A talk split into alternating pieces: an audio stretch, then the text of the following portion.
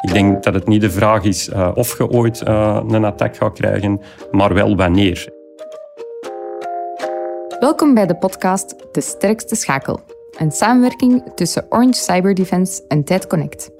Mijn naam is Nathalie Van En vanuit mijn ervaring met digitale veiligheid praat ik met interessante gasten die aan de digitalisering van hun organisatie werken. We hebben het met hen over de gevaren en uitdagingen die het met zich meebrengt.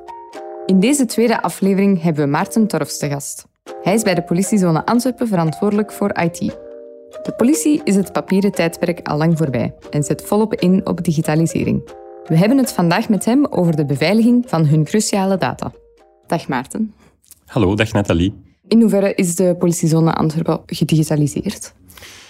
Ja, bij ons is het niet meer een kwestie van digitaliseren, maar eigenlijk slim omgaan met informatie.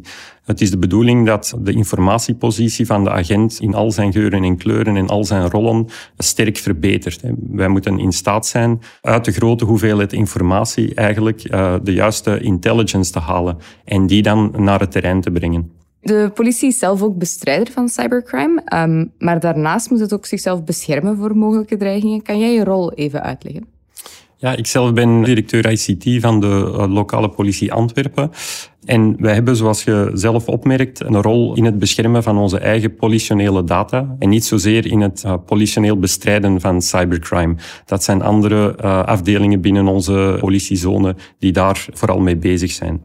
We hebben op onze directie zo'n 120 medewerkers, uh, waarvan een groot aantal op onze eigen payroll. Maar we werken er ook sterk samen met allerlei uh, partners, vaste partners en uh, andere partners. Nu, die informatiepositie van de politie, kan je dat een beetje verduidelijken met een voorbeeld? Ja, zeker. Uh, wij zetten zeer sterk in op uh, intelligence-led policing. Dus um, het aansturen van uw operaties door uh, intelligence. Een concreet voorbeeld daarvan is, je moet je voorstellen als een interventiemedewerker naar een 101-interventie rijdt, een dringende oproep. Vroeger was dat de informatie die die twee personen, de twee agenten, mee hadden, was vooral radiofonisch, hè, wat de commandokamer op dat moment wist en doorgaf.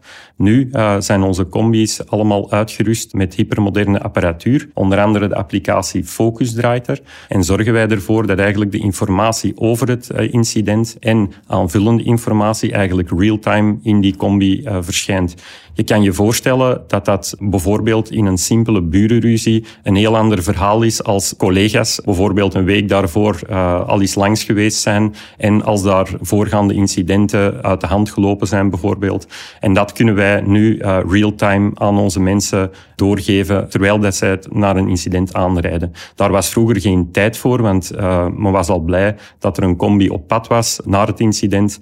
Um, en dit is echt wel een revolutie in onze werking. Nu, Maarten, om al die informatie bij de politieagent te brengen, hebben jullie ook een eigen applicatie ontwikkeld, Focus. Hoe is die app ontstaan? Dat idee is eigenlijk ontstaan uit uh, pure noodzaak. Wat wij merkten, dat was dat uh, in het politielandschap eigenlijk uh, digitalisering, zoals ik het daarnet uh, beschreef, erin bestond de back-office applicaties op het terrein te brengen. Dat was dan meestal via virtuele omgevingen en zo konden eigenlijk de agenten alles afwerken op het terrein, daar waar de noodzaak zich voordeed. Nu, dat is een, een strategie die zeker een meerwaarde had, maar dat is ook eindig. Hè. De manier waarop dat, dat gebeurt, zorgde ervoor dat agenten met heel veel applicaties geconfronteerd worden. En als je in een rustige kantooromgeving zit, is dat prima. Als je natuurlijk op het terrein staat in de heat of the moment, uh, is dat zeer uh, moeilijk. En daarom focus is eigenlijk een, een integratiearchitectuur waarbij dat we de agent eigenlijk één toegangspoort geven tot functionaliteiten en informatie. En die toegangspoort is eigenlijk een volledige front-end integratie. Dus de agent heeft in zijn beleving het idee dat hij met één app werkt. En zo hebben we eigenlijk de complexiteit van onze IT-omgeving achterliggend kunnen afschermen van de politionele medewerkers. Omdat zij natuurlijk geen IT-experten zijn. Zij willen op de meest gebruiksvriendelijke manier hun applicaties gebruiken. Dat lijkt mij een heel interessante applicatie voor de politie, maar ook voor iedereen met slechte bedoelingen als ze daar toegang toe krijgen. Hoe zorgen jullie daarvoor? Hoe beveiligen jullie dat? Ja, dat is inderdaad een, een hele uitdaging. Door de aard van de, de business, de politiebusiness, is het uh, uiteraard cruciaal dat we onze data goed beschermen. En voor onze medewerkers zoeken we natuurlijk een evenwicht naar uh, gebruiksgemak en optimale beveiliging. En die evenwichtsoefening wordt uh, full continu geëvalueerd. Het is ook niet zo dat wij opereren op basis van incidenten die gebeuren. We hebben een, een, duidelijke strategie en ook een veiligheidsbeleid.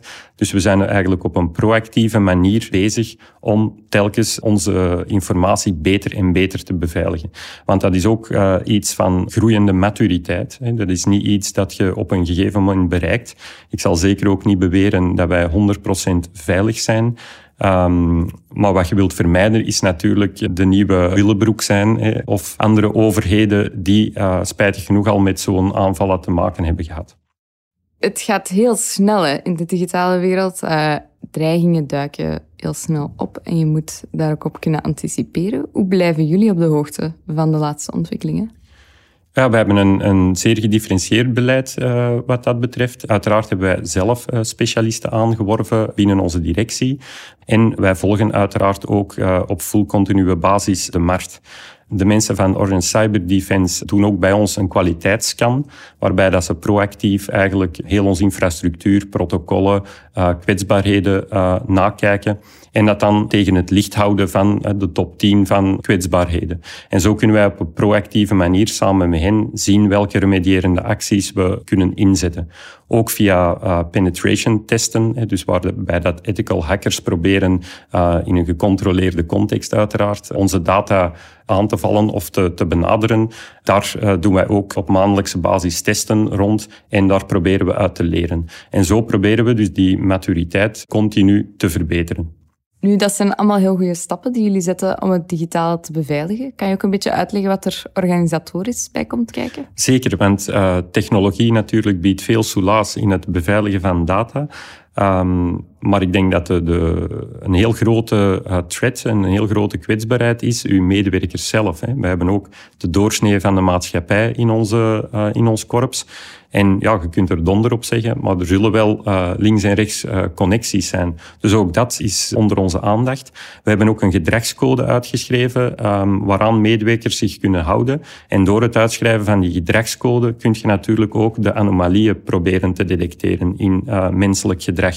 Want zoals gezegd, het gaat niet alleen over technologie, het gaat over processen, het gaat over mensen. En ik denk dat je op al die aspecten moet werken om echt aan, aan goede cybersecurity te kunnen doen. En daarnaast proberen jullie intern ook te blijven innoveren?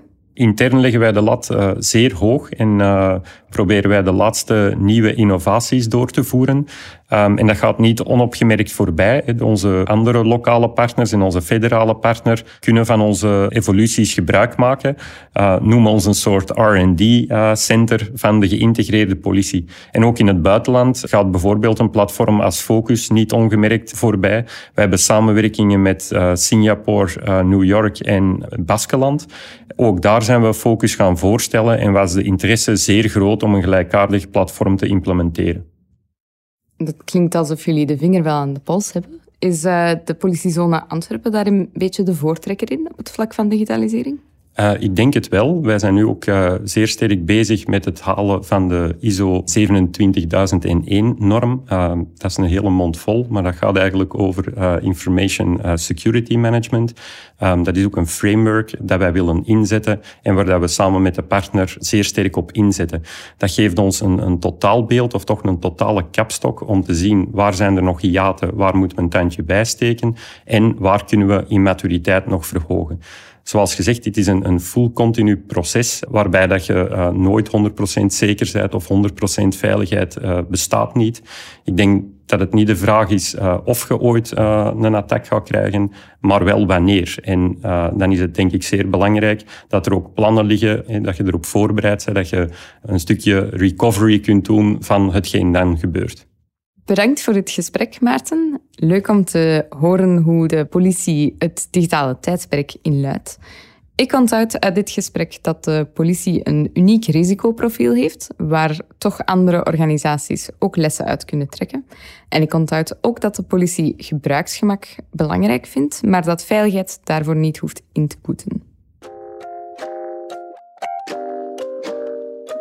Vond je deze podcast interessant? Vertel het gerust verder of laat een recensie achter via je app. En abonneer je op De Sterkste Schakel via Spotify of een podcast-app naar keuze.